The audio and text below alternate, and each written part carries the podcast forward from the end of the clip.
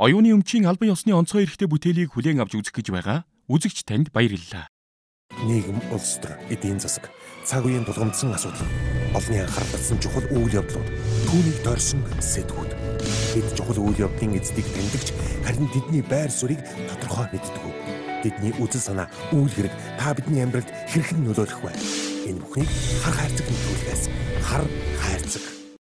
Оройн төргийн үзэгчтэй хар хайрцаг нөлөөлгийн шин дугаар эхэлж байна сургууль цэцэрлэгийн хүртээмжгүй байдал хизээ түүх болон үлдэх бол түрээсийн сурах хүчийг хизээ сурагчдын гарт очих вэ? Ихтэй сургуулиудын чанарыг дэлхийд өрсөлдөх хэмжээнд хэрхэн хүргэх вэ? Эдгээр асуултанд хариулт авахар боловсрол соёл шинжлэх ухаан спортын сайд Баатар үлэгтэй ярилцахад бэлэн болоодна. Хар хайрцаг. За сайн байна уу? Орой минь төргий. Орой минь төргий. Сайхан намарч байна уу? Сайхан намарч сайхан уу? Сайхан. За бидний урилгыг хүлээн авч хүрэлцэн явдлыг баярлалаа. Намар цаг гэдэг бол энэ боловсрол шинжилгээ ухаан, соёл спорт энэ чиглэлд бол маш завгүй юу байдаг. Одоо олон сургуулийн хичээл сургууль эхэлсэн. Тэгэд ийм одоо цаг наргүй ажиллаж байгаа үед дуудаж авчирсан нэг бодлын одоо уучлаарай гэж хэлэхэд хэцүү. А гэхдээ магадгүй яг одоо болж байгаа үйл явдлыг цаг үеийн үйл явдлуудыг бас үзэгчтэй хүрэхэд зүгээр байх гэж бодоод таныг өрсөн. Тэглүү яг бас та бүхний Монгол HD телевизийн маань намайг бас энэ нэвтрүүлэгтээ урьж оролцуулж салбарынхаа бодлого үйл ажиллагааны талаар олон түмэнд мэдээлэл хүргэх боломж олгож байгаа гэж би бол боломж олгож ийн гэж баярлж байна. За их баярлалаа. Бид нар бол бас яаруу давчуу байдаг тэр цаг заваас чинь хумслаад яах вэ гэж бас бодоод байдаг нэг юм тал. За ажил аваад бас баггүй хугацаа өнгөрлөө. Энэ хооронд ямар ямар ажлууд амжуулваа. Тэгэхээр яг ба салбарын сайдаар томилогдоод одоо нэг хэдэн сар болж байна. Юуны төрөнд ер нь манай боловсролын энэ чинь ганцхан боловсрол биш л дээ соёл шинжилгээ ухаан спорт гэх дөрвөн том салбар байна. Яг энэ нийгмийн бас нэг яг зүрх тарих болсон салбарууд шүү дээ. Тэгэхээр энэ салбар дээр тулгамдж байгаа асуудлууд юу байна? Ер нь маш олон жил яригдсан шийдвэрлэгдэг асуудлууд юу байна гэж. Тэгэхээр сүүлийн жилүүдэд ялангуяа манай боловсролын салбарт боловсролын чанарын асуудал маш их яригддаг тийм ээ. За ер нь дунд сургуулийн хүүхдүүдийн сурлагын чанар ямар байна? Ер нь ямар хүүхдүүд төгсгөөд байна? Ер нь Монгол хүүхд э, бэлдэж чадж гин үгүй юу? Монгол ухаантай хүүхд бэлдэж гин үү? За энэ ихтэй сургуулиудад оюутнуудын чанар яагаад муудаад байна?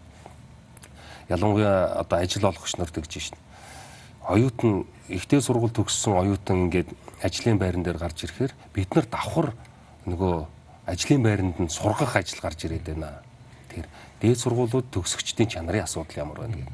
Тэгэхээр энэ боловсролын тогтолцоо чинь сургуулийн өмнөх цэцэрлэгээс эхсүүлээд ажлын байранд гартлах нэг хүний нэг 20 гаруй жилийн одоо амьдрал шүү дээ. Тэгэхээр энэнтэй холбоотой маш олон тулгымцсан асуудлууд олон жил хоримтлагдсан асуудлууд байдаг юм байна. Тэгээ яг салбарын сайдаар томилогдоод техникийн ээлжинд сургалтын хөтөлбөрүүдийн асуудлыг барьж явлаа. Цэцэрлэг сургуулийн ер нь энэ сургалтын хөтөлбөрүүд ямар байна вэ? Яагаад гэвэл сүүлийн жилүүдэд багш нар ачаалаад хэлэхэ боллоо гэдэг асуудал. Ялангуяа ерөнхий боловсролын сургуулийн багш нарын ачаалал маш их болцсон. За хүүхдүүд гэрийн даалгавраа одоо бархаа байлаа гэдэг тийм ээ. Одоо та мэдээж бас энэ зовлонг бол мэддэг ба.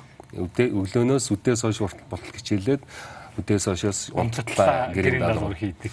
Тэгвэл ингэж их хүүхэд ингэж их ачаалал авч ингэж их хичээгээд байхад яга чанар нь муу байгаа. Үнэхээр бодиттой мэдлэгийг олгож чадж гин үгүй. Энэ энэ чиглэлээр л сургалтын хөтөлбөрийн сайжруулалт хийлээ. Одоо 13 оноос хойш 13 онд батлагдсан сургалтын цөм хөтөлбөр явж ирсэн 5 жил хэрэгжсэн. 18 оны сүүлээр энэ цөм хөтөлбөрийн хэрэгжилтэнд үнэлгээ өгсөн байна. Тэгээд үндсэндээ хэрэгжилтэнд бол төдийлөн үр дүн сайн биш байна гэдэг дүн гарсан. Тэгэхээр сайн биш байна гэд бид нар шинэ хөтөлбөр гаргаж ирээл нэг өөрөөрөө автралах гал юм уу те ийм юм бол байхгүй. Одоо мөрдөгдөж байгаа хөтөлбөрийнхөө засаг сайжруулах юм засаг сайжруулад явъя болж байгаа бүтэж байгаа тэрүүгээр яв гэдгээр үндэсний багууд ажиллаад хүрээлэн ажиллаад яг одоо энэ гिचээл заадаг багш нарынхаа хүрээнд маш олон хилцүүлгүүд явлаа. Тэгээ үндсэндээ бол э, сургалтын цөм хөтөлбөрийг э, нэлээд сайн апдейт хийгээд сая 9 сарын 1-ээс одоо хичээлхлээ явж байна. Нэг ийм асуулт байдаг. Цүм хөтөлбөрийг одоо гарч ирсэн сайд болон оролддог гэж. Тэгэхээр таны хувьд бас ийм шүүмжлэлд өртөж таарах гэдэг байх шиг байна. Мэдээж тодорхой хэмжээгээр засаж юм байдаг баг. А гэхдээ одоо ингээд цөм хөтөлбөрөөр оролцож гин гэдгийг одоо ямар төвшөнд ойлгох вэ? Та одоо бас цөм хөтөлбөрөөр оролцсон хүний тоонд ороод явах байх. Дараагийн сайд гарч ирээд таны магадгүй хийсэн өөрчлөлтийг өөрчилчихгүй юу? Тэгэхээр ийм бид нар энэ олон улсуудын энэ боловсролын хуулиудыг үзлээ. Хөтөлбөрүүдийг нь харлаа энэ хугацаанд. Тэгэхээр цөм хөтөлбөр гэдэг нэртэй энэ хөтөлбөрийг 13 оноос хойш хэрэгжиж. Ер нь 90 оноос хойш бас 5 6 удаа хөтөлбөрийн шинжилэлт сайжруулалт хийгдсэн юм байна лээ. Манай боловсролын систем. Тэгвэл тэр нь янз бүрийн нэртэй одоо бас Кембрижийн гээл нэг явж ирсэн тийм ээ. Өмнө нь сургалтын үндэсний хөтөлбөр гээл явж ирсэн. Одоо бол цөм мөм гэдээ янз бүрийн нэр өгөөд юу хээ. Зүгээр л энэ чинь Монгол улсын одоо ерөнхий боловсролын сургуулийн э, сургалтын хөтөлбөр үндэсний хөтөлбөр. Аа засаг сайжруулахын тал дээр бол Оросын холбооны улс жишээлбэл боловсролын хуулиндаа тусгацсан байна. Сургалтын хөтөлбөрийг шаардлагатай бол жил болгон шинжил сайжруулж ингэж явж болно. Өө бүр цаашлаад ингээд сургалтын хөтөлбөр ш- шинжлэгдсэнтэй холбогдуулж сурах бичгийг ч шинээр зохиож хийлж болно гэд бүр хуульчлаа заасан байдаг. Монголын хувьд А Монголын хувьд нэг хөтөлбөр байгаа хөтөлбөр доктортой бол сайн гэдэг ийм тийм нэг уламжлалт ойлголттой. Тэгээд нэг хөдөлгөөнгөө ингээд яваад тэр хөтөлбөрөөр ингээд заах сонирхолтой. Багш нараа ч гэсэн бэлдэж дадлагжуулахад мэдээж доктор юм доктортой байх нь сайн. А тэгвэл доктортойгийнхоо хажуугаар эн чин цаг үе нийгмийнхаа хөгжлийн шаардлагыг дагуул нийцүүлж байнга сайжруулж явах ёстой л гэж би үзэж байгаа байхгүй юу. Засаж сайжруулж явах ёстой. Мэдээж нэг юм э, сайн шинээр нэг юм бий болгоход сайнч тал байгаа, саарч тал байгаа. Тэгэхээр тэр нь амьдрал дээр туршигдаад 1 жил, 2 жил явлаа. А энэ хэсгийг ингэ засах юм байна. Тийм агуулгаар энэ сайжруулалт хийсэн. энэ тал дээр бол би тантай санал нэг байна. Энэ а, зөвхөн дунд сургуулийн гэлтгүү, их сургуулийн ч ялгаагүй. Хөтөлбөр гэдэг бол а, мэдлэг болгож байгаа зүйл. Мэдлэг гэдэг бол цаг ямагт хорч байдаг зүйл, шинжлэгдэж байдаг зүйл. Тэрийг бид нэр а, за мэдээж бүр үндсэн чиг баримжааг нь гажуудуулаад өөрчлөхгүй юм бол ерөнхийдөө бол апдейт бол зайлшгүй хийж явах хэрэгтэй.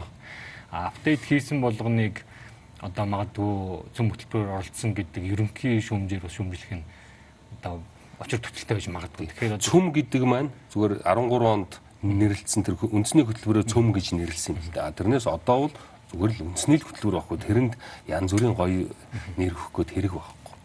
за удахгүй болох гэж байгаа томоохон үйл ажиллагаа арга хэмжээнүүдийн талаар бас үзэгчдэд мэдээлэл өгөхгүй юу? Шинжлэх ухааны салбарын ажилтнуудын одоо чуулга уулзалт болох гэж байна. Миний бодлоор би өөрөө энэ салбарт Анх дугаар их хурл. анх дугаар их Тий. хурл. Хизээ болох гэж байна. Ямар асуудлуудыг авч хөндөх үү?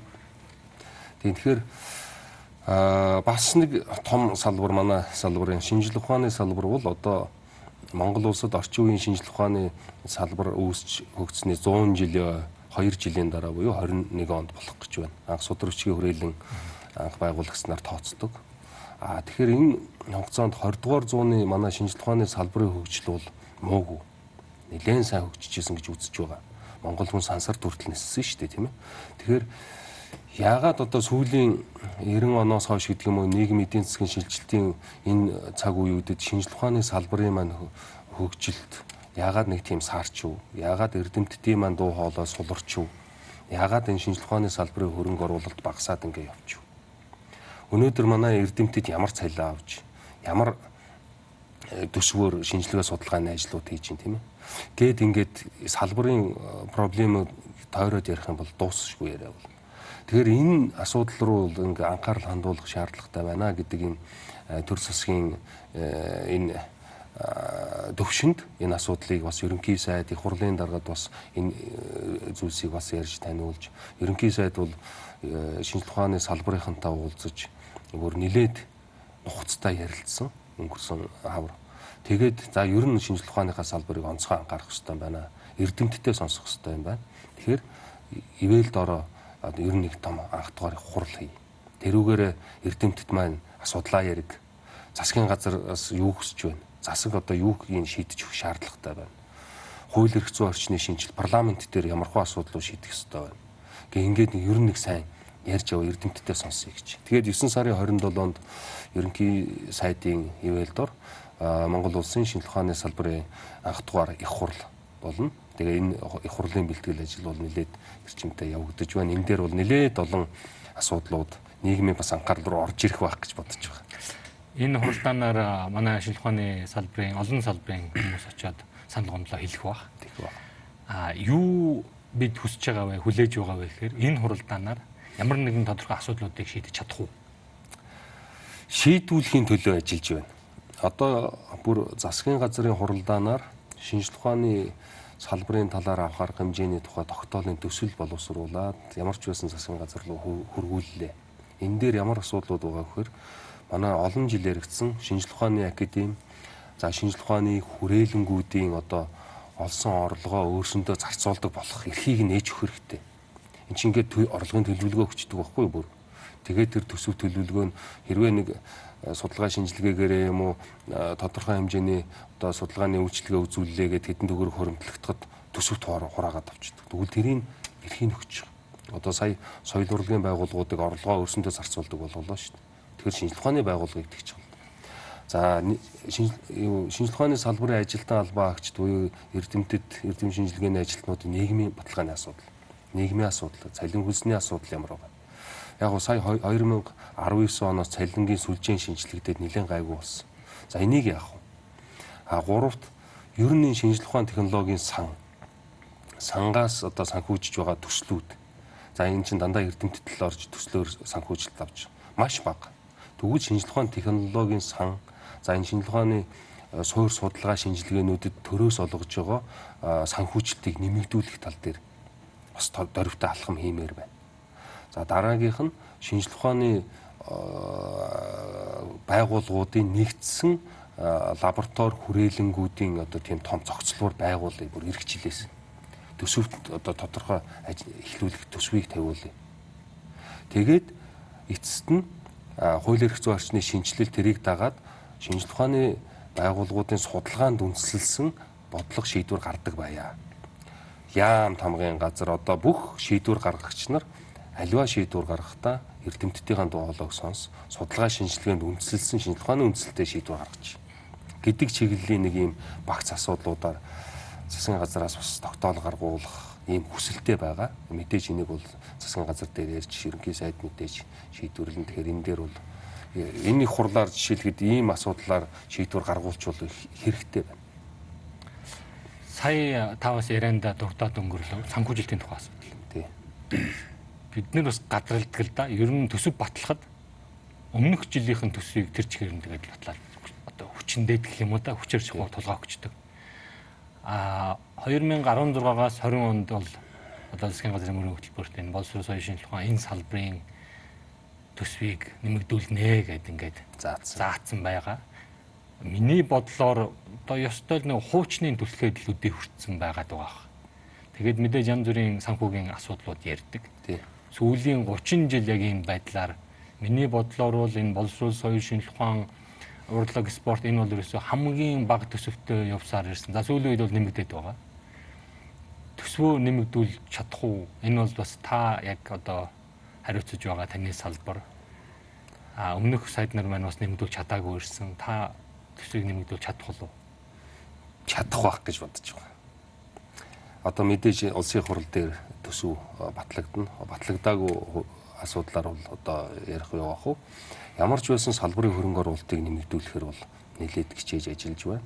За энэ шинжлэх ухааны энэ судалгаанд өгдөг энэ санхүүжилт буюу одоо жилд нэг 10-аас 12 тэрбум төгрөгийг шинж шинжлэх ухааны технологийн санд хуваарлж байна. Яг таны хэлснээр жил болгон нэг юм. За нөгөө шинжлэх ухааны шүт сан дээр тэдийг тавьчих.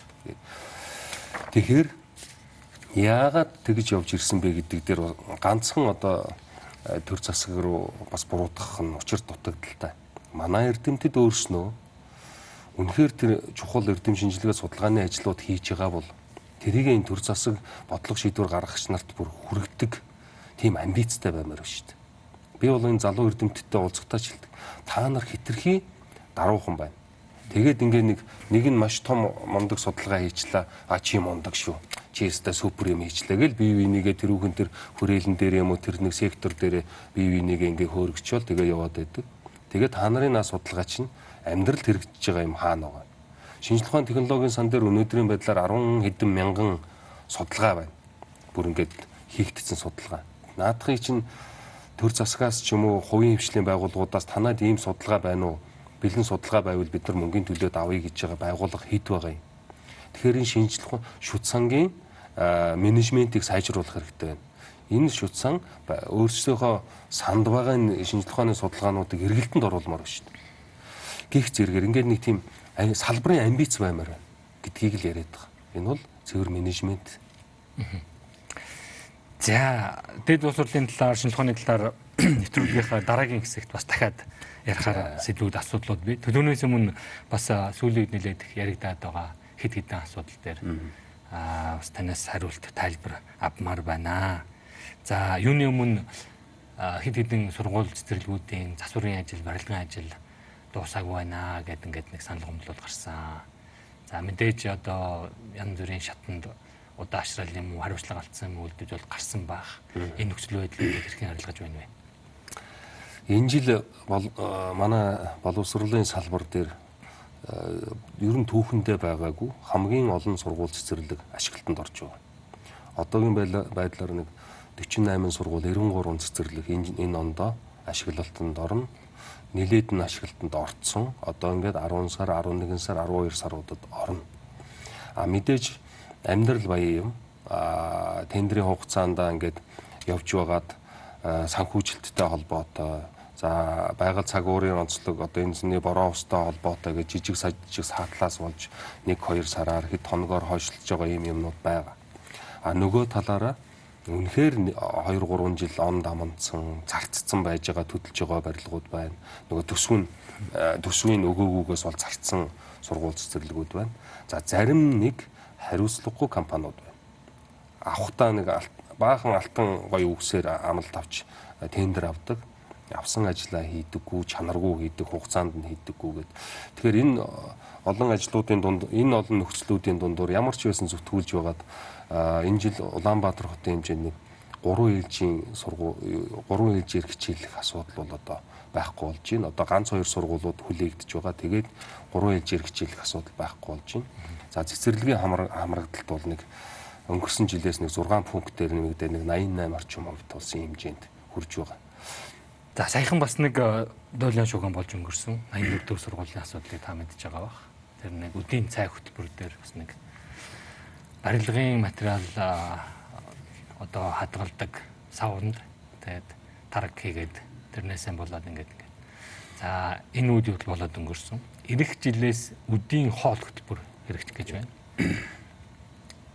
Манай сургууль цэцэрлэгүүд сургуулиуд үдийн хоолоороо хүүхдүүдийг хүүхдүүдийн эрүүл мэндэд тийм ээ сая гарсан үйл явдал шиг юм хор нөлөө үзүүлэхээр одоо дал туршлаасаа бүрэн салж ангицэрсэн байж чадах уу? Ягаад гэвэл мэдээж үдийн хоол хөтөлбөр бол хэрэгтэй. Гэхдээ хордоод байвал хэрэггүй. Билнэ үү гэдэг.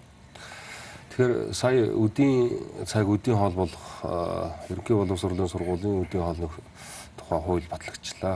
Хэрэгжилтийг 20, 21, 22 гээд онуудад үе шаттайгаар хэрэгжүүлэх ажил эхэлнэ.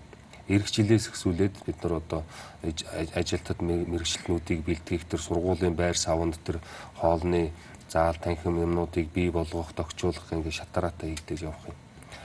Нилээд хүндрэлтэй Гэхдээ нэгэнт хууль батлагдсан юм чи хэрэгжүүлэхээс өөр арга байхгүй. А одоо бид нар үдийн цай өгж байгаа. Үдийн цайны мөнгө маань 600 төгрөг байсаар ирсэн 12 оноос хойш хөдлөөгүй. Тэгэхээр эхний ээлжинд бид нар үдийн цайгаа чанартай өгдөг болох хэрэгтэй. Энэ агуулгаар харин засгийн газраас 20 оноос эхлээд энэ хичээлийн жилээс үдийн цайны мөнгийг 50%-аар цэцэрлэгийн хүүхдийн мөнгө дотуур байрны хүүхдийн мөнгнүүдийг 50%-аар нэмэгдүүлж байгаа. Энэ бол бүр сүүлийн 12 оноос хойш хөдлөөгүй байсан мөнгө байхгүй.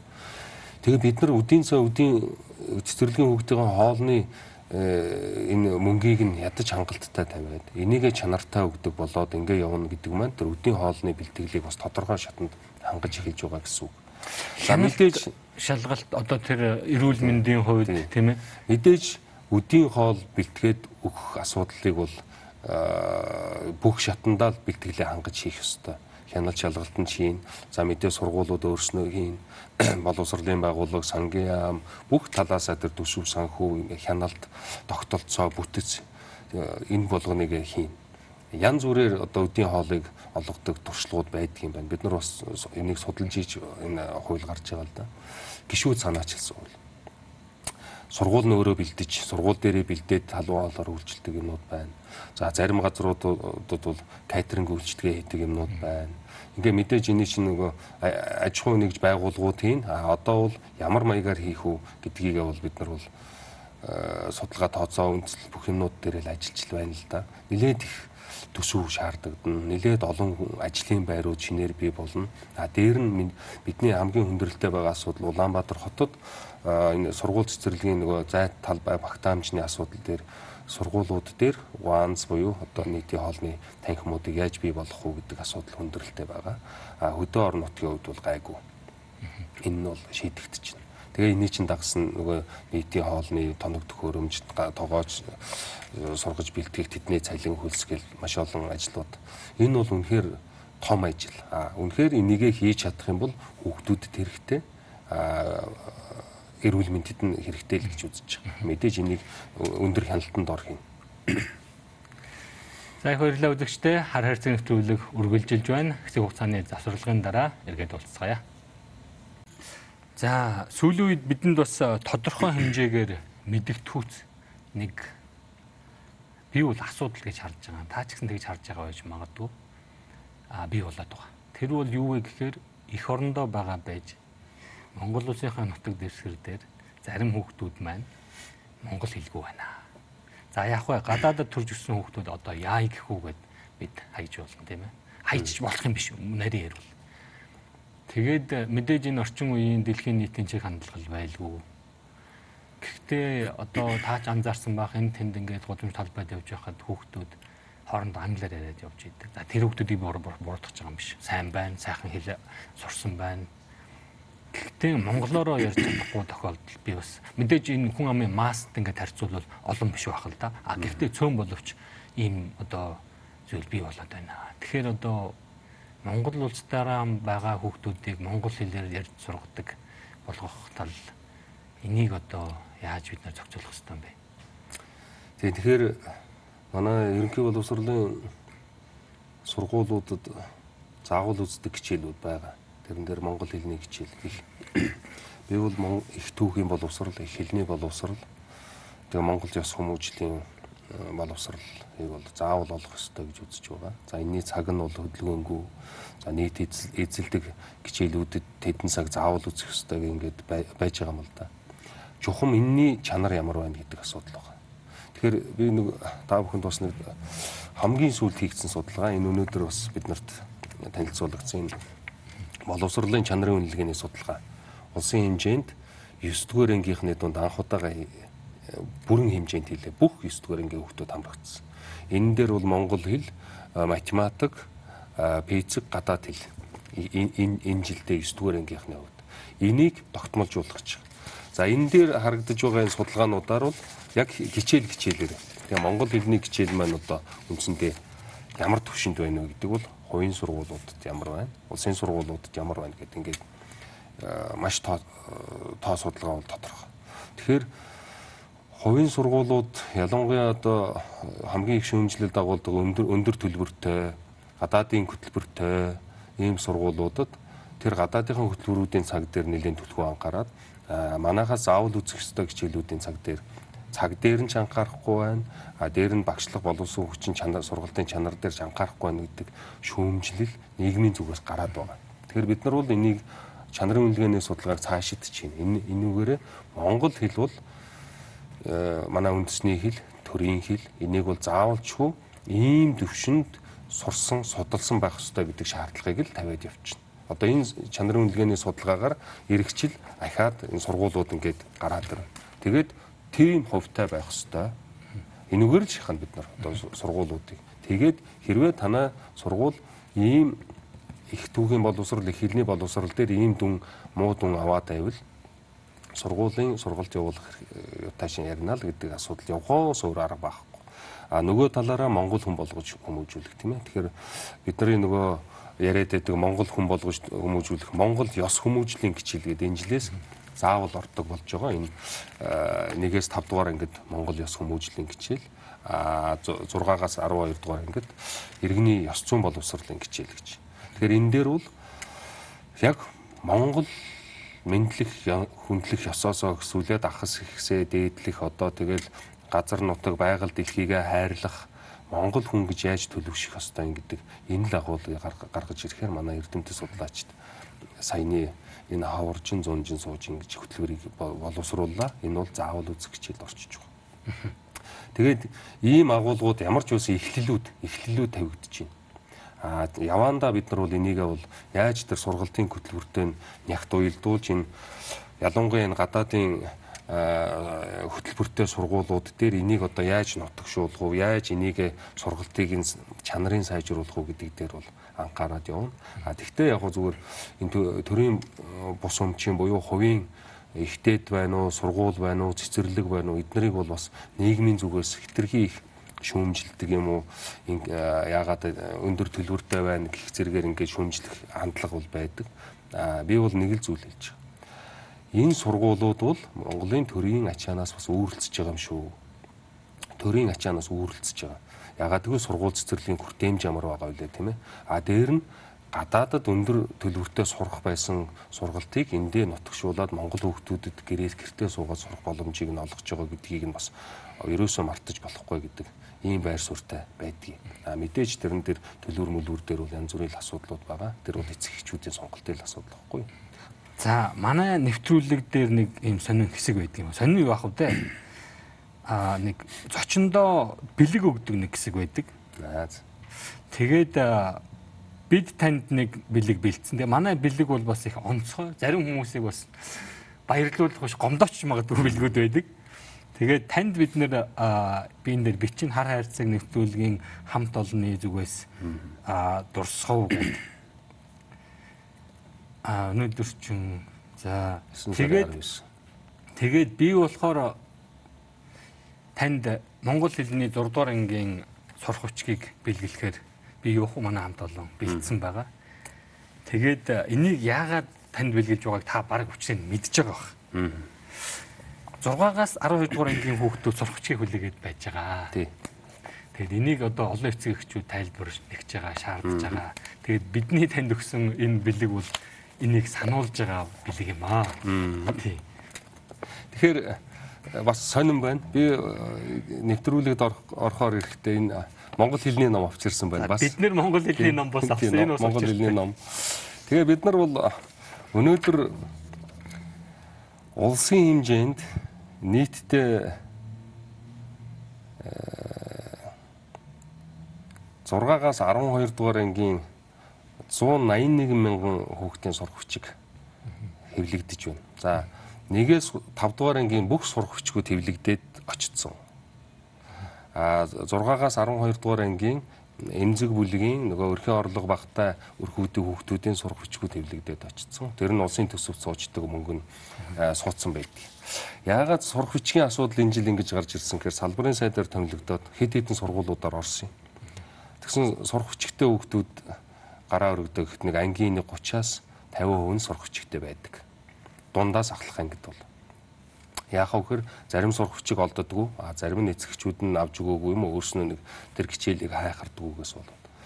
Тэгээ сурах хүчийг өөр нь яаж ийн гэдэг ингээд үзэхээр нөгөө төрөөс өгдөг тэр эмзэг бүлгийн буюу бага ангийн хүүхдүүдийн сурах хүчгээс бусдын арилжааны журмаар гэдэг ингээд зөнд нь орхисон юм байна. Хэвлэх үйлдвэрүүд манахаас эрхээ аваад өөрснөө эвлүүл хэвлээл тэр нь зах зээлд гараад борлогдоод борлогдоо байж байна. За тэгвэл наадхыг чинь ямар гаргалгаа байна? Ерөөсө бүх хүүхдээ сурах хүчтэй болгоо. Тэгээд Азийн хөгжлийн банктай бид нар энэ хаваржин яриад харин энэ асуудал дээр Азийн хөгжлийн банк бол маш сайн тэмцсэн. Би бүр танай телевизээр дамжуулаад Азийн хөгжлийн банкнд бол гүн талархал илэрхийлээ. 8 тэрбум төгрөг шийдэж өгсөн. 8 тэрбум төгрөгөөр бид нар үлдэж байгаа хүүхдүүдийнхаа сурах бичгийг бүрэн хэвлэнэ. Гэт Тэгээд нөгөө сурах хүчгүүдийнхаа тендерийг зохион байгуулалт тэгээд энэ чинь Азийн хөгжлийн банктай явж байгаа болохоор тендерээ хянуулах, тэгээд зөвшөөрөл олгох гэд маш процесс явдаг. Одоо сурах бичгүүд эд хэвлэгдэж байна. А хэвлэх асуудал бол дорхно. А сурах хүчүүдийг энэ жил хэвлэх үйлдвэрээс нь шууд сургуулиудад нь хүргэнэ. За энэ 9 сарда багтаа сургуулиудад одоо ингээд э, сурах хүчүүд ингээд очоод 10 сарын ихэнх гэхэд сурах хүчүүд бүрэн очиж. За сурах хүчийг сургуулиудад хүүхдийн тоогоор очно. За эцэг эхчүүд хүүхдүүдээ заавал сурах хүчийг авч өгөх ёстой. А түрээсээр авч өгнө. Сургуулиуд нь түрээслэнэ. Түрээслэхээр мөнгө төлөх үү? Мөнгө төлнө. А тэгэхээр ийм сурах хүчийг авж байгаа үнээс нь хоёр дахин хамгийн багадаа хоёр дахин бага үнээр түрээслэнэ. А тэр түрээсийн мөнгө юунд явах вэ гэхээр энэ сурах хүчүүдийн нөхөө хангалт дараагийн удаа хойдон жил тэрний хойдон жил хэвлэх сан бүрдэх байхгүй юу. Ингээд нэг эргээд явчвал бас нэг бүх хүүхдүүд сурах хүчтэй байх.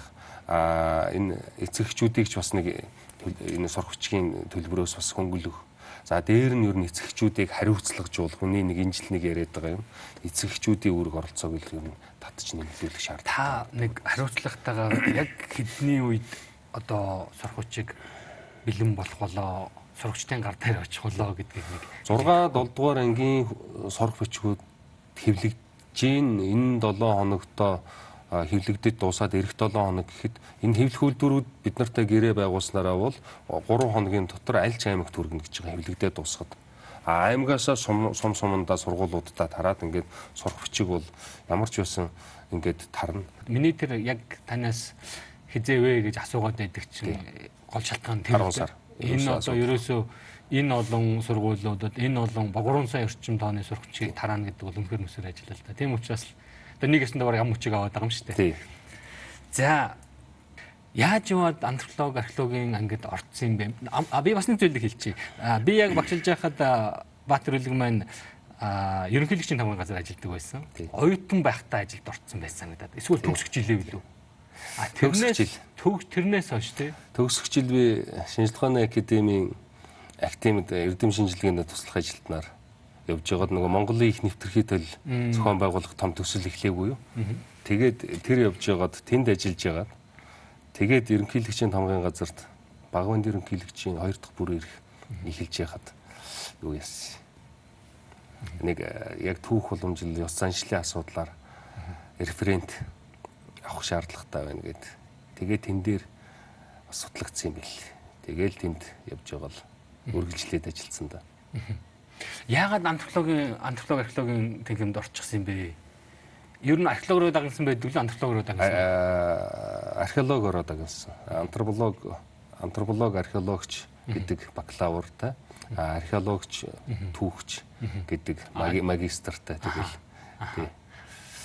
Антрополог, археолог чинь цугул ингээл яваад байдаг шүү дээ манай чинь. Их сайн оюутан байсан гэд би одоо юу гэдгийг сайд болсон болохоор нь хэлж байгаа юм биш үү. Би дүн тавьж исэн билүү, дүнгийн хуудсан дээр гар үсэг зурж исэн билүү. Тэгэхэд бол бараг л их их дүн онц байсан л санагдаад байна. Ер нь онц төгссөн хүмүүсийг тий. Тэрийг бол одоо нэгэнтээ бодит түүх учраас тэрийг одоо одоо нэмж хасж байгаа юм байхгүй. Ярих зүйтэй байх гэж бодож байна. За хоёла манай битэрийн энэ мэрэгжилд энэ салбарт байдаг нэг зовлонг дуртахгүй өнгөрүүл одоо ард сууж байгаа олон нөхөд маань зэмлэх баг. Археологийн олон дурсгалуудыг тоноод малтаад байна. Би өөрөө Мосийн антрополог археологийн тэнхим дээр ажиллаж байгаа хүн. Та салбарын сайд энэ мэрэгжилтэй. Би бол энэ хариултыг бүрэн бас мэдж гин гэж хэлж байдаг. Тэгээс таны байрсан сурыг сонсмоор байна. Мэдээж би таныг археологч мэрэгжилтэй учраас энэ анхаараач гэж байгаа юм шиг. Өөр мэрэгжилтэй сайд байсан чинь би энэ асуух байсан. Тэгээ бид яах вэ? Тодорхой хэмжээгээр миний ч бас асуудал байгаа байх. Тэгэхээр манай салбар учраас. Тэгэхээр одоо хамгийн сүүлийн жишээ сая Хөвсгөл аймаг тийм ээ. Манай түүхийн музейн экспедиц очиж аврах хамгаалт хийлээ шүү дээ. Бүхэл бүтэн тэр ваартай зүцгийн тос олж шүү дээ. Одоо эх 7 хоногт би засгийн газрын хурлаар бүр тэрэн дээр авраа хамгаалтын томоохон экспертиз ажиллуулах төсөв хөрөнгийг бас шийдвэрлэхээр ерөнхий сайттай ярьлаа. Тэгэхээр манай нутаг дэвсгэр бол уудам асар их төвх соёлын дурсгалууд байна. Нээгдээгүй маш их дурсгалууд. Ерөөсөө эн чинь бол археологчдын хувьд, антропологчдын хувьд бол өстой маш сонирхолтой үүх судалгааны маш том объект байхгүй юу? Аль ч улсын археологчд хүлээн зөвшөөрдөг тийм ээ. А тэгээд тийм болохоор сая засгийн газрын хурлаар археологийн хүрээлэнг шинээр одоо тусад нь байгуулъя гэдэг шийдвэр гаргуулсан. А түүгийн хүрээлэнгээ хавсарганд ингээд яваад байдаг. Түүгийн хүрээлэн маань өөрөө маш их ажилтаа хүрээлэн шүү дээ. Тийм тийм. А тэгжид л археологийн хүрээлэнг ингээд хавсарга болгоо ингээд яваад иж болохгүй. Археолог маань өөрөө ингээд бүхэл бүтэн ийм том салбар. Дээр нь ийм их ажил их байна. Тэгэхээр бүхэл бүтэн институт ажиллаж ийж энэ нь өөрөө гадна дотны ижил төрлийн хүрээлэнгүүдтэй ижил төрлийн төвшөнд гэрээ контракт байгуул судалгаа шинжилгээний ажил явуулж тийм ээ авран хамгаалалт хийж ингэж явж явах ёстой юмаа гэдгийг бол бас ойлгуулж энэ хуучин байсан наран сэргийж байгаа. А энэ бол нэг нэг ажил. А нөгөө талаараа энэ хууль эрх зүйн орчны асуудал байгаа маа. Одоо ингээд а тонуулчид ингээд янз бүрийн одоо үеийн ингээд богон хөшөө хэрэгсүүр одоо хүрлийн үеийн дурсгалуудыг зүгээр ингээд ухаж тон чайчаа яваад өгдөг. Тэгээд ингээд нутгийнхантаа начаад ингээд ярихаар баг баг л зүгээр нэг тийм хэвий юм шиг яригдаг тэр энэ гээл ингээл тэгээ энэн дээр нь одоо ямар хариуцлага вэ? Гэхдээ одоо энэ хэдийн үеийн ямар дурсгалыг яаж сүйдэг үл ямар хариуцлагатай байх? Энэ ямар ч тийм юу байхгүй. Бүр нарийн зохицуулалт байхгүй А тэгэхээр энийг бол чангадах нь гэхээсээ илүүтэй бас нөгөө талаараа зөвөр ойлгуулах хэрэгтэй байна энэ иргэд олон нийтэд соёнгийн үлмээр байна тийм ээ. Гэхдээ эн чинь одоо тэр том том хэрэгсүүр гэдэг юмны чинь доор та нарын хайгаад байдаг тэр алтан мөнгө байдаггүй маа. Эн чинь тийм үеийн юмнууд байдаг юм аа. Тэгэхээр та нар бол энийг ухаад нэгдүгээр тэрэг байхгүй махаа идээд одоо ингээд а нөгөө талаараа үнэхээр ийм дурсгалууд байлаа гэд та нар маань одоо эн чинь Монголын маш том соёлын өвийг устгаж байна. Тэгэхээр энийгээ бас ингэж хийж болохгүй гэж соён гэгэрүүлэх ажлыг хууль эрх зүйнхэнтэй зэрэгцүүлж явуулах шаардлагатай байна. Тэгэхээр энэ дээр бол би одоо сая хүрээлэн шинээр байгуулагдсан гэж ярьлаа. Би шинээр хэрвээ хүрээлэнгийн захирал юмнууд нь томилогдоод ирэхээр академийнхантаа яаж байгаа тэнийг бол маш тодорхой бас энэ чиглэлээр соён гэгэрүүлэх чиглэлээр нь бас тодорхой ажлуудын чиглэл үүрэг өгнө. Дээр нь энэ дээр нь соён гэгэрүүлэх чиглэлээр нь бас тодорхой төсөв санхүүгийнх асуудлыг шийдэж өгье гэж бодож байгаа. А хууль эрх зүйн орчны юмнууд дээр нь бид нар ажиллаж байна. Би бол ингэж боддог юм. Онцгөр миний санаа шүү. Би буруу зөрүүч ярих гэж мэддэг. Энэ соёлын өвийн элдв зүйлсийг худалддаг, борлуулдаг томоохон сүлжээ бизнес байдаг. Нэг судрын ийм нэг нүүр, ийм цаас 100 юанаар урагшаа гардаг энэ төр гэдэл одоо янз бүр яриад би. Энийг таслан зогсоовол энэ томдог хоногдоод ирэхгүй юу? Тийм тэгэхээр одоо өмнө нь манай палеонтолог дээр маш их гарсан тий маш олон асуудлууд одоо ингээд өлөг гөрүүлийн яснууд яц одоогийн байдлаар манайх дэлхийн 5 6 орноос хизээ гарсан нь тодорхойгүй хаанаас олдсон нь тодорхойгүй нэр усгүй палеонтологийн олдврууд буюу өлөг гөрүүлийн яснууд авчрах бэлэн болцсон байна. Одоо төрүүчийг нь 10 сард авчрахаар манай яамнаас одоо хүмүүс явах гэж байна. Америкаас бас нэг батар тарбазаавар. Аа Солонгосоос байна, Францаас байна яг энэ шиг одоо үндсэндээ энэ өлөг гөрүүлийн яснууд үндсэндээ яг мэрэгжлийн палеонтологчдын хувьд бол юу ч биш болчихж байгаа байхгүй юу? Ягаад тэгэхээр судлагдах хүн биш болчихж байгаа. А яг уу ийм амтан байсан байна, Монголд байсан байж магадгүй байна гэхээс биш. Хаанаас хизээ олдов, ямар археолог юу палеонтологч олдов гэдэг нь өөрөө маш чухал судлагдах хүний үзүүлэлт байдаг шүү дээ та өөрөө мэд. Тэгэхээр энэнтэй адилхан энэ хил давуул нь наймаалагдж байгаа соёлын өвүүд хизээ хинээс хаанаас яаж гарсан тодорхойгүй одоо ингээл хилийн урталд зөндөө их музей үзмрүүд байж ийн гэл ингээд ам ярианууд ч байна одоо явсан албаны хүмүүсийн ярианууд ч байна тэгэхээр энийг бол одоо энэ хил гайл хууль хяналтын байгууллагуудтай хамтарсан операцууд ч явуулж үзсэн байна. Манайх за хуулах сурчлагын ажлууд ч явуулж үзсэн байна. Яг одоо энэ музей үзмөр тоолгууд ч явуулж үзсэн байна яг одоо яг 10 11 оны үед нэг үндэсний түүхийн музейтэй холбоотой нэлээд томоохон шуугаан дэгдээд маш олон үзмрүүд дутагдаад тийм ээ ингэсэн нэг юм гарсан.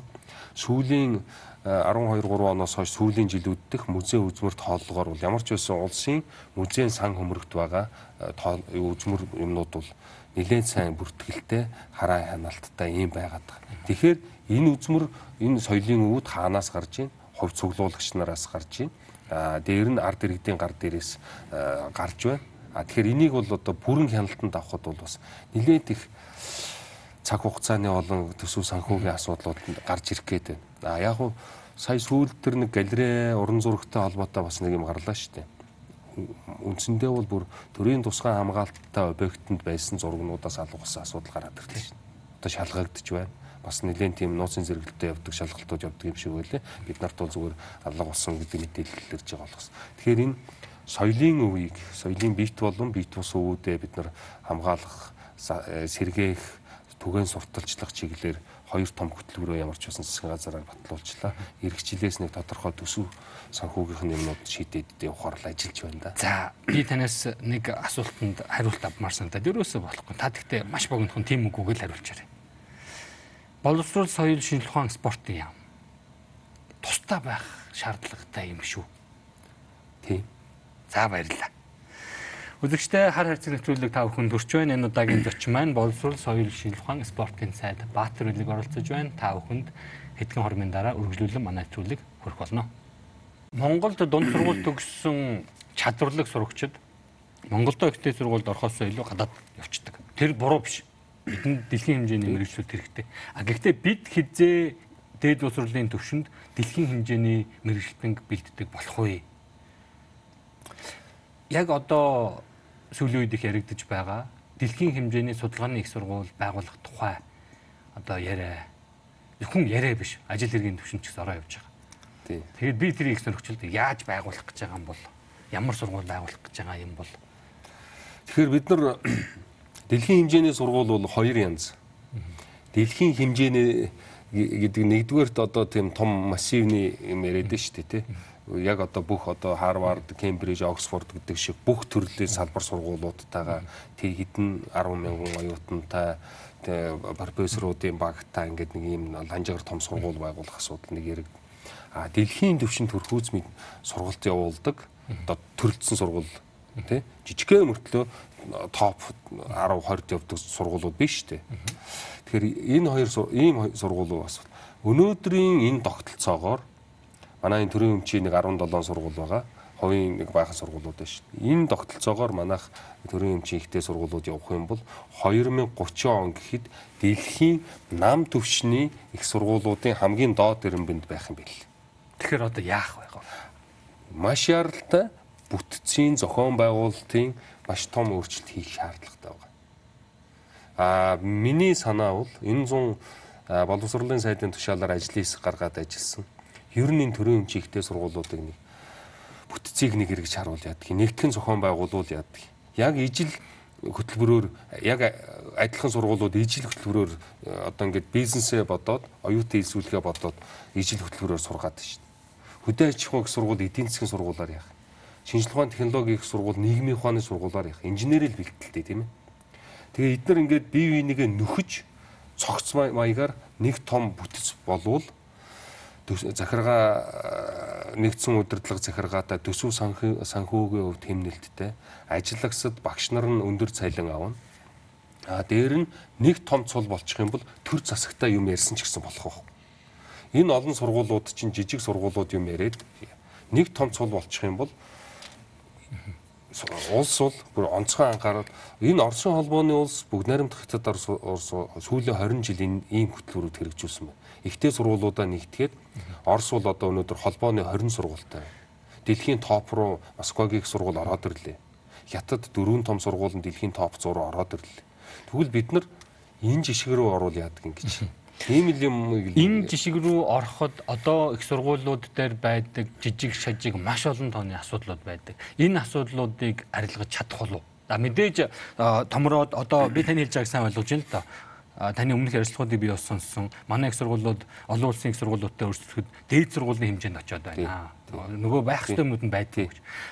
За яг хөө би тэр таны тэр санааг ойлгож байна. А гэхдээ ингэж нэгтгэснээр их сургуулиудад байгаа олон янзын жижиг асуудлуудыг зэгцэлж одоо юу гэдгийг зөв стандартад зөв голдруулд нь оруулах чадах уу? Чадна. Яагаад гэвэл одоо бидний яриад байгаа бол бүр боловсролын корпорацийн асуудал яригдчих корпорацийн зохион байгуулалт орчих юм бол тэр төсөв санхүү тэр аж ахуйн чиглэлийн юм авч явах асуудал нь корпорац дээрээ зангиддаг. Цэвэр сургалт эрдэм шинжилгээнийх асуудлуудыг тэр ректорат буюу тэр сургалт эрдэм шинжилгээний асуудлууд нь хариуцаа явдаг. Тэд нар нь бол сургалт сургалт эрдэм шинжилгээгээл маш сайн явуулах юм дээр явна. Төсөв санхүүгийнх нь хувьд бол ямар ч тийм санаа зовх юмгүй явах байхгүй. одоо яаж юм тэгэхээр их сургуулийн удирдлагууд удирдах зөвлөл юу ярьдаг вэхээр хамгийн түрүүнд нөгөө сургалтынхаа чанар хөтөлбөрийн сайжруулалт юм юм ярахаас илүүтэй за энэ жилийн сургалтын төлбөр ямар байх вэ? За яаж нөгөө нэг гал алдчихгүй шиг энэ хичээлийн жилийг авах уу? За энэ нөгөө нэг төсвөө нь юу болох вэ? Багш нарынхаа цалинг яах вэ? Нөгөө үйлдвэрчний хөвлөл яах вэ? Ингээд нэг түмэн ийм аж ахуйн тал руугаа хамаг анхаарал нь явчаад сургалт эрдэм шинжилгээр үгээ ингээд явахгүй. Ихэнх сургуулиуд дандаа сургалтын төлбөр дээр амьдарч байгаа шүү дээ энэ их сургуулиудыг нэгтгэн зохион байгуулах тухай асуудлыг би бас янз бүрийн сурвалжаас таны бас энэ тэнд хэл мэдээллийн байгуулалт гэсэн ярилцлага дээр сонссон л доо. Тэгээд би бол энэ асуудал одоо судалгааны түвшинд байгаа юм байна гэж ойлгож байгаа. Тэгэхээр олон хүмүүс энэ дээр санал бодлоо илэрхийлэх боломж нээлттэй байгаа болов уу гэж бодож байна. Яг нэгтгэх асуудал дээр миний хувьд бол уучлаарай тантай санал нийлмээрг байгаа. Яагаад вэ гэхээр одоо энэ олон сургуулиудыг нэгтгэхэд маш олон жижиг жижиг асуудлуудыг бүрэн шийдэж чадна гэдэгт нэг би итгэхгүй. Хоёрт баахан давцал гарч ирнэ. Тэр олон бизнесийн салбарын багш нарыг нэг бизнесийн том салбар болгочиход тэр багш нарын бараг 50% нь ажлаас салгадах хэрэгтэй болно. Тэр багш нарыг ажлаас салахаар яадаг вэ гэхээр шүүхтэй төлбөрийн хөр яриад шүүхээр дав дав заалдаа ялаад ороод ирдэг. Би бол мөстер өөрөө олон жил байдаг учраас энийг маш сайн мэдж. За нэгдүгээр зүйл, хоёрдугаар зүйл данхаарсан том бүтц маань эргээд дотоод олон асуудлуудаа бүрэн шийдэж чадахгүй болов гэдэг юм юу байгаа. А дээр нь энэ олон сургуулиудыг оруулж ирэхэд дотроо байдаг хуучны засагддаггүй дэлхийн түвшинд өрсөлдөж чадахгүй олон асуудлуудаа бүгдөө хамтдаа аваад ороод ирэх гэдэг юм санагдаад. Харин миний хувьд бол надад өөр нэг вариант байж болох юм болов уу санагдаад байна. Тэр нь бол юу вэ гэхээр одоо чинь Казахстан бол шууд олон улсын жишгийн сургууль байгуулчлаа шүү дээ. А Монголд бол миний бодлоор юу болоод байна вэ гэхээр одоо англиар бол brain drain буюу сайн чадвартай боловсон хүчин гадагшаа урсаад байгаа байхгүй. Тэгэхээр тэднийг эргэж татаад дэлхийн шилдэгтэй сургуулиудад баахан Монгол эрдэнэт ажиллаж байгаа шүү дээ. Тэднийг тэр мөнгө санхүүжилт лаборатори эрдэмээр нь хангаад дэлхийн түвшний нэг сайн сургуулийг материаллык бааз болоод өөрсдийнхөө болцсон дээр төшөглөөд шууд байгуулчмаас надад байгаа байхгүй. Яг тэгэхээр миний бодлоор бол хуучнаа засахаас илүү шинийг байгуулвал хурдан амжилтанд хүрэх юм болов гэж бодож байгаа юм л да. Тэг яг уу таны санаа бол дахиад нэг сургууль шинээр байгуулах л асуудал. Ер нь маш өндөр өртгөр. Тийм. Тийм. А биднэрт тэр өндөр өртгөр тийм сургууль байгуулахаас хамгийн наацхын байгаа юм одоо энэ ихтэй сургуулиуд чинь маш их том материалыг бааз нөөц боломж байгаа. А энийг нь бид нар маш сайн уялдуул зохион байгуулалтанд оруулаад биднэрт судалгаанууд хийгдсэн. А тэр ажилгүй болох молох гэдэг асуудал бол байхгүй байна бүх сургуулиудаар нь тэнхмээр нь ажиллагчдын тоогоор нь бүх зохион байгуулалтын асуудлуудыг судалсан юм. Бүгд манай манад мэдээлэл юмнууд нь байдаг болохоор ихтэй сургуулийнхан мэдээгүй энэ асуудлаар а багш нар өндөр цалин авах хэрэгтэй шүү дээ. Бүр тэр тусмаа ажилгүй болох байтугай одоо байгаа багш нар бүрэн боломжтой. Одоо одоо жишээлбэл нэг сургуулийн бизнес эдийн засгийн сургууль гэхэд энд тэр төрийн өмчийн ихтэй сургуулиуд байгаа бизнес эдийн засгийн хан одоо нэг нэг тэнхэм юм уу нэг нэг зарим нэгэн салбар сургууль байгаа шүү дээ. Энэ өөрөө маш том бүтэц харин ланжгар том эрдэмтдийн бөөгнөрл болох байхгүй эрдэмтэн багш нарын бөөгнөрл бол. Би бол багш нар ажилгүй болох шаардлагатай бол хэрэгтэй гэж бодож байна. Яагаад гэвэл өнөөдрийн боловсролын дээд боловсролын байгууллагт байдаг том асуудал бол багш нарын хариуцлагагүй байдал гэж. Чанаргүй багш нарын асуудал. Чанаргүй багш нар маш их байдаг. Бид нар багш нартайгаа хариуцлага тооцохгүй дээд боловсролын чанар миний бодлоор сайжир. Тэгэхээр энэ дээр энэ хэрвээ ийм бүтэц хийгдээд олон сургуулийн багш нар нэг дор ингээ бөөгнөрөд ирэхээр аяндаа тэрэн дотор чинь жинхэнэ жинхэнэ бие биенийгээ харьцуулах боломж юу болно. Ягаад гэвэл биеийн сургууль дээр л мундаг багшгаа яваад байдаг. Тэгтэл яг адилхан өөр сургуулийн багш яг адилхан хичээ заагаад эхлэв шүү дээ жинхэнэ салбарын өрсөлдөөн гэдэг чинь тэнд орж ирнэ гэж харагдаж байгаа. Энэ бол зүгээр жижиг асуудал. А ер нь бол энэ бүтцийг бол хийх зайлшгүй цаг хугацаа нь бол болсон байна. Энийг хийх нийгмийн шаардлага байна, эдийн засгийн шаардлага байна. Үнэхээр бас манайх нэг 10 жилийн дараа гэхэд 2030 он гэхэд нэг дэлхийн дундад төвшний нэг их сургуультай болчмоор байна шүү дээ. За их баярлаа. Мэдээж энэ том салбар маш олон зүйлийг ярьж хэлж бид болохоор байна. Гэхдээ нэвтрүүлэг маань эхэлсэн шигэ бас дуусах цагтай байдаг. Ингээд өнөөдрийн дугаараа энэ түрээд өндөрлөж байна. Өнөөдрийн дугаарт маань хүрэлцэн ирж үзэгчдэд сүүлийн үеийн асуудлаар тов тодорхой мэдээлэл өгсөн тайлбар хийсэн боловсрол соёлын шинжилгээ ухаан спортын сайд а Баатар хэлэгтэй баярлалаа. Таны ажил амжилт хүсье. Баярлалаа. Монгол телевизийнхэнтэй ажлын амжилт хүсье.